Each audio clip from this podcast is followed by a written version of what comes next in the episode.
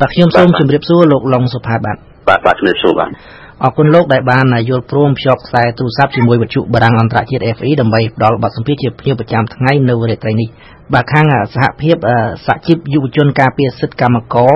ហើយនិងសហជីពមួយចំនួនទៀតដែលកាលពីម្សិលមិញនេះបានចេញសេចក្តីថ្លែងការណ៍ដោយឡែកដោយឡែកពីគ្នាប៉ុន្តែអត្ថន័យផាកផែគ្នាតាក់ទងទៅនឹងការសម្រេចរបស់សហភាពអឺរ៉ុបដែលនឹងដកហូតផ្នែកខ្លះនៃប្រព័ន្ធអនុគ្រោះពន្ធ EBA ពីប្រទេសកម្ពុជា ជាដំបូងតើអ្វីដែលលោកយល់ឃើញឬមួយក៏ប្រតិកម្មចំពោះការសម្រេចចិត្តរបស់សហភាពអឺរ៉ុបនេះបាទខ្ញុំសូមអរគុណខាងវិទ្យុបារាំងដែលបានធ្វើបទសម្ភាសន៍ជាមួយខ្ញុំបាទទាក់ទងរឿងប្រតិកម្មដែលយើងយើងខ្ញុំបានធ្វើចំពោះការសម្រេចរបស់ខាងអឺរ៉ុបដែលបានជួផ្នែកខ្លះនៅក្នុងការដល់អនុគ្រោះពន្ធដល់កម្ពុជានេះយើងមើលឃើញថាតើតើរឿងការសម្រេច របស់អឺរ៉ុបដូចជាអាចនិយាយបានថាពាក់ព័ន្ធជាមួយនឹងតតភាពជាក់ស្ដែងនៅក្នុងប្រទេសកម្ពុជាតតភាពជាក់ស្ដែងនៃការវិវត្តរីកចម្រើនផ្នែកជីវភាពរស់នៅរបស់បងប្អូនកម្មករចិត្តក៏ដូចជាលក្ខខណ្ឌការងារល្អប្រសើររបស់ប្រទេសកម្ពុជាយើងហាក់ដូចជាគាត់ត្រូវបានមើលរំលងទាំងដែលប្រទេសកម្ពុជារបស់យើងយើងអាចនិយាយបានថាបើនិយាយពីសិទ្ធិសេរីភាពកម្មករត្បិតតែមិនទាន់ដូចជាប្រទេស ប្រជាធិបតេយ្យធំធំមែនប៉ុន្តែគ្រាន់តែជាលក្ខខណ្ឌការងារមួយដែលបងប្អូនកម្មករនយោជិតរបស់យើងអាចទទួលយកបានហើយសមស្របជាមួយនឹងស្ថានភាពប្រទេសរបស់យើងតែម្ដងហើយមួយទៀតក៏ខ្ញុំមើលឃើញថាប្រទេសក្នុងតំបន់មួយចំនួនហ្នឹងក៏បានយកស្តង់ដារលក្ខខណ្ឌការងាររបស់ប្រទេសកម្ពុជាទៅអនុវត្តនៅប្រទេសខ្លួនដែរអញ្ចឹងអ្វីដែលតកតងរឿងយើងមើលឃើញការសម្រេចរបស់អឺរ៉ុបដែលព្យួរការអនុគ្រោះពន្ធនេះដូចជាមានស្តង់ដារ2 ស្តង់ដារ2នៅក្នុងការសម្ដែងនឹងតែម្ដងបាទយ៉ាងណាក៏ដោយចុះសហភាពអឺរ៉ុបបានទុកពេល6ខែទៀតទៅសេចក្តីសម្រេចនេះចូលជាធរមានដែលត្រូវអនុវត្តថាតើនៅក្នុងរយៈពេល6ខែទៅមុខទៀតនេះក្នុងនាមលោកជាសហជីពគិតថាភាគីពាក់ព័ន្ធអាចធ្វើកិច្ចការងារអ្វីខ្លះដើម្បីឆ្លើយតបទៅនឹងសហភាពអឺរ៉ុបវិញបាទ បាទនៅក្នុងរយៈពេលដែល6ខែទៅមុខនេះខ្ញុំគិតថាជាគីពាក់ព័ន្ធដែលក្នុងនោះក៏មានខាងសហជីពយើងផងដែរគឺយើងនឹងព្យាយាមធ្វើយ៉ាងម៉េចរំលឹកអំពីតថភាពពិតប្រាកដរំលឹកអំពីវឌ្ឍនភាពពិតប្រាកដផលប្រយោជន៍ឬមួយក៏អ្វីដែលជាការទទួលបានអំពីការអនុគ្រោះពន្ធពីអឺរ៉ុបហ្នឹងបានត្រូវបានកើតឡើងត្រូវបានទទួលពិតប្រាកដសម្រាប់ប្រជាពលរដ្ឋកម្ពុជាក៏ដូចជាត្រូវបានទទួលពិតប្រាកដនៅក្នុងក្របខ័ណ្ឌកម្មករយោជិតដែលគាត់ត្រូវធ្វើការនៅតាមរោងចក្រសហគ្រាសក្នុងវិស័យឧស្សាហកម្មកាត់ដេរសម្ភារៈនិងផលិតស្បែកជើងនោះឯងអញ្ចឹងឲ្យឃើញអំពីវឌ្ឍនភាពនៃជីវភាពរស់នៅរបស់ពួកគាត់ថាពួកគាត់ពិតបន្ទាប់ពីបានទទួលការអនុគ្រោះពន្ធពីអឺរ៉ុបនៅក្នុងការដែលនាំចូលសម្ភារៈទៅហ្នឹងគឺមានន័យថាកម្រិតជីវភាពរបស់ពួកគាត់ ក្រុមគ្រួសាររបស់ពួកគាត់ក៏ដូចជាលំនៅឋានរបស់ពួកគាត់មានការវិវត្តរីកចម្រើនជាបន្តបន្ទាប់ពីលំដាប់ជាមួយឆ្នាំទៅមួយឆ្នាំអញ្ចឹងអ្វីដែលតទៅនឹងកិច្ចខំប្រឹងប្រែងរបស់យើងគឺយើងនឹងបន្តនៅក្នុងការរៀបចំឲ្យមានជាលិខិតស្នាមឬមួយក៏ឯកសារផ្សេងផ្សេងហើយក៏ដូចជាពួកផុសតាំងមួយចំនួនជុំវិញតតទៀតជាក់ស្ដែងដើម្បីជូនទៅ ខាងសហភាពអឺរ៉ុបដើម្បីឲ្យលោកស្វែងយល់បន្ថែមទៀតនៅក្នុងកំឡុងពេល6ខែទៅមុខនេះដើម្បីឲ្យលោកអាចនិយាយបានថាពិចារណាឡើងវិញចំពោះការសម្ដែងរបស់សហភាពអឺរ៉ុបកន្លងមកនេះថាអ្វីដែលគាត់ធ្វើហ្នឹងគឺអាចនិយាយបានថាជឿទៅលើតែភាគីផ្សេងដែលមិនមែនរស់នៅមិនមែនធ្វើការនៅក្នុងប្រទេសកម្ពុជាហើយមិនបានឃើញអំពីការរីកចម្រើនពិតប្រាកដនៃជីវភាពរស់នៅរបស់ប្រជាពលរដ្ឋកម្ពុជាពិសេសបងប្អូនកម្មករយុវជនរបស់យើងតែម្ដងបាទបាទ បើតាមសេចក្តីសម្រេចជាជំហានដំបូងរបស់សហភាពអឺរ៉ុបនេះគឺថាប៉ះពាល់ឬក៏ដកហូតប្រព័ន្ធអនុគ្រោះពន្ធហ្នឹងតែប្រមាណ20%ហើយបើគិតជាទឹកប្រាក់ប្រហែលជា1300លានដុល្លារអាមេរិកនៅក្នុងមួយឆ្នាំហើយបើគិតជាប្រាក់ចំណេញដែលកម្ពុជាទទួលបានពីនេះគឺប្រហែលជាជាង100លានដុល្លារទេនៅក្នុងមួយឆ្នាំថាតើទំហំនៃផលប៉ះពាល់នេះលោកគិតថាវាអាចប៉ះពាល់ទៅដល់ការងារកម្មករឬមួយក៏ប្រាក់ចំណូលរបស់កម្មករក៏ដូចជាអ្នករស់ស៊ីកម្រិតណាដែរបាទ អ្វីដែលខ្ញុំមើលឃើញទាក់ទងរឿងការសម្រេចនេះប្រសិនបើរត់នៅបន្តគោលចំហសម្រាប់បែបនេះអាចនិយាយបានថាដំបូងផុតគឺអ្នកវិនិយោគហើយនឹងម្ចាស់ម៉ាកផ្សេងផ្សេងដែលរកទទួលទាននៅក្នុងប្រទេសកម្ពុជាដែលលោកមកផលិតនៅក្នុងប្រទេសកម្ពុជាហ្នឹងគាត់ប្រកាសជាធ្វើការពិចារណាហើយអ្វីដែលយើង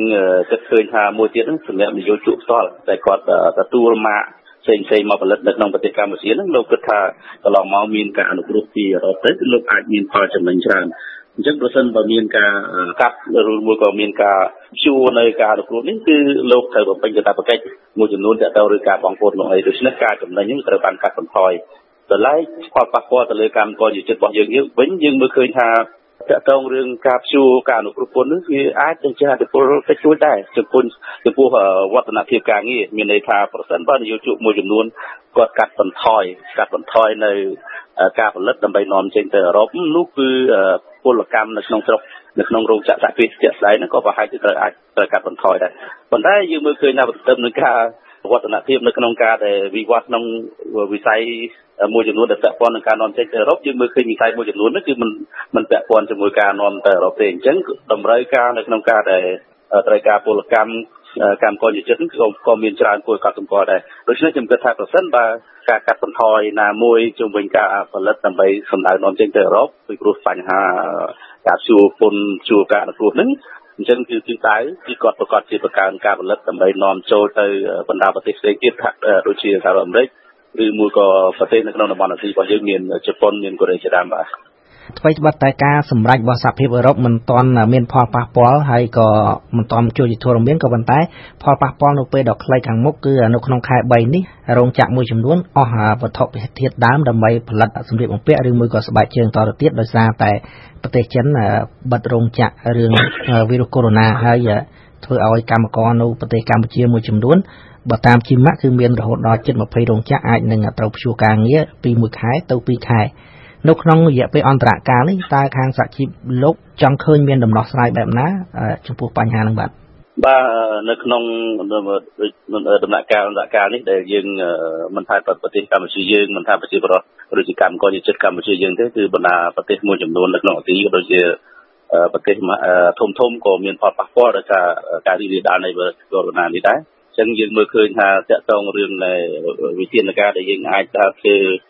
ទៅបានសម្រាប់ក្នុងកំឡុងពេលដែលប្រឈមមុខនេះមានន័យថាយើងនឹងរួមគ្នាជាមួយនឹង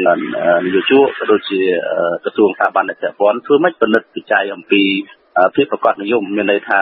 ក្នុងកំឡុងពេលស្ថានភាពបែបនេះក៏យើងមើលឃើញថាអាចនឹងមានការជឿឱកាសពីសំណាក់នយោជកខិលខូចខ្លះដែលលោកមានបំណងនៅក្នុងការដែលធ្វើកម្មភាពកាត់បន្ថយកម្មករ ដើម្បីកិច្ចវិទ្យាទូទាត់អត្ថប្រយោជន៍តាមផ្លូវច្បាប់ផ្សេងៗហ្នឹងគឺយើងនឹងពិនិត្យអំពីតថភាពនឹងឲ្យបានលម្អិតដើម្បីធ្វើយ៉ាងម៉េចផ្ដល់ព័ត៌មានជូនដល់ស្ថាប័នពាក់ព័ន្ធហ្នឹងឲ្យលោកធ្វើការសម្របសម្រួលក៏ដូចជាសម្ដេចនៅលទ្ធភាពណាមួយនៅពេលដែលមានរោងចក្រសហគ្រាសដែលគាត់ជួបវិបត្តិជាក់ស្ដែងហ្នឹងធ្វើសំណើឬក៏ធ្វើការស្នើសុំធ្វើការព្យួរការងារបងប្អូនកម្មករចិត្តនៅក្នុងកំឡុងពេលមួយខែឬពីរខែនាពេលខាងមុខនេះបាទ ថាតើកម្មករអាចទ្រាំបានទេបាទនៅក្នុងការព្យួរការងាររយៈពេល1ខែឬ2ខែដោយបើតាមច្បាប់ស្តីពីការងារកម្មករអាចមានសិទ្ធិទទួលបានប្រាក់ឧបត្ថម្ភប្រចាំខែហើយនិងថ្លៃស្នាក់នៅប៉ុន្តែកម្មករជាច្រើនគឺសុទ្ធតែមានការជំពាក់បំណុលមីក្រូហិរញ្ញវត្ថុដែលត្រូវបង់ជាប្រចាំខែពឹងទាំងស្រុងទៅលើប្រាក់ខែដែលទទួលបានមួយខែមួយខែដូច្នេះបើសិនបើមានការព្យួរការងារមានន័យថាប្រាក់ខែកម្មករមិនអាចទទួលបានពេញដោយកម្មករធ្វើការទេ តើក្នុងរយៈពេលអន្តរកាលនេះពួកគេអាចថាទ្រាំទ្របានទេបាទសម្រាប់រយៈពេលអន្តរកាលដែលត្រូវប្រឈមមុខនេះមែនតើទៅគឺបន្ទុកនៅក្នុងការចំណាយ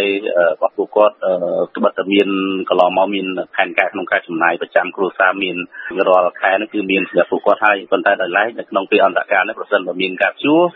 ហើយអត្ថប្រយោជន៍នៅក្នុងការដែលផ្ដល់ជូនមិនបានពេញលេខ100%ហ្នឹងផលប៉ះពាល់យើងមើលឃើញថាប្រហែលជានឹងអាចមានមែន ប៉ុន្តែខ្ញុំគិតថាប្រសិនបើផលប៉ះពាល់នៅក្នុងការព្យួរការងារនេះត្រូវបានកើតឡើងរយៈពេលវែងអញ្ចឹងប្រហែលជាការសម្រេចចិត្តមួយចំនួនដោយ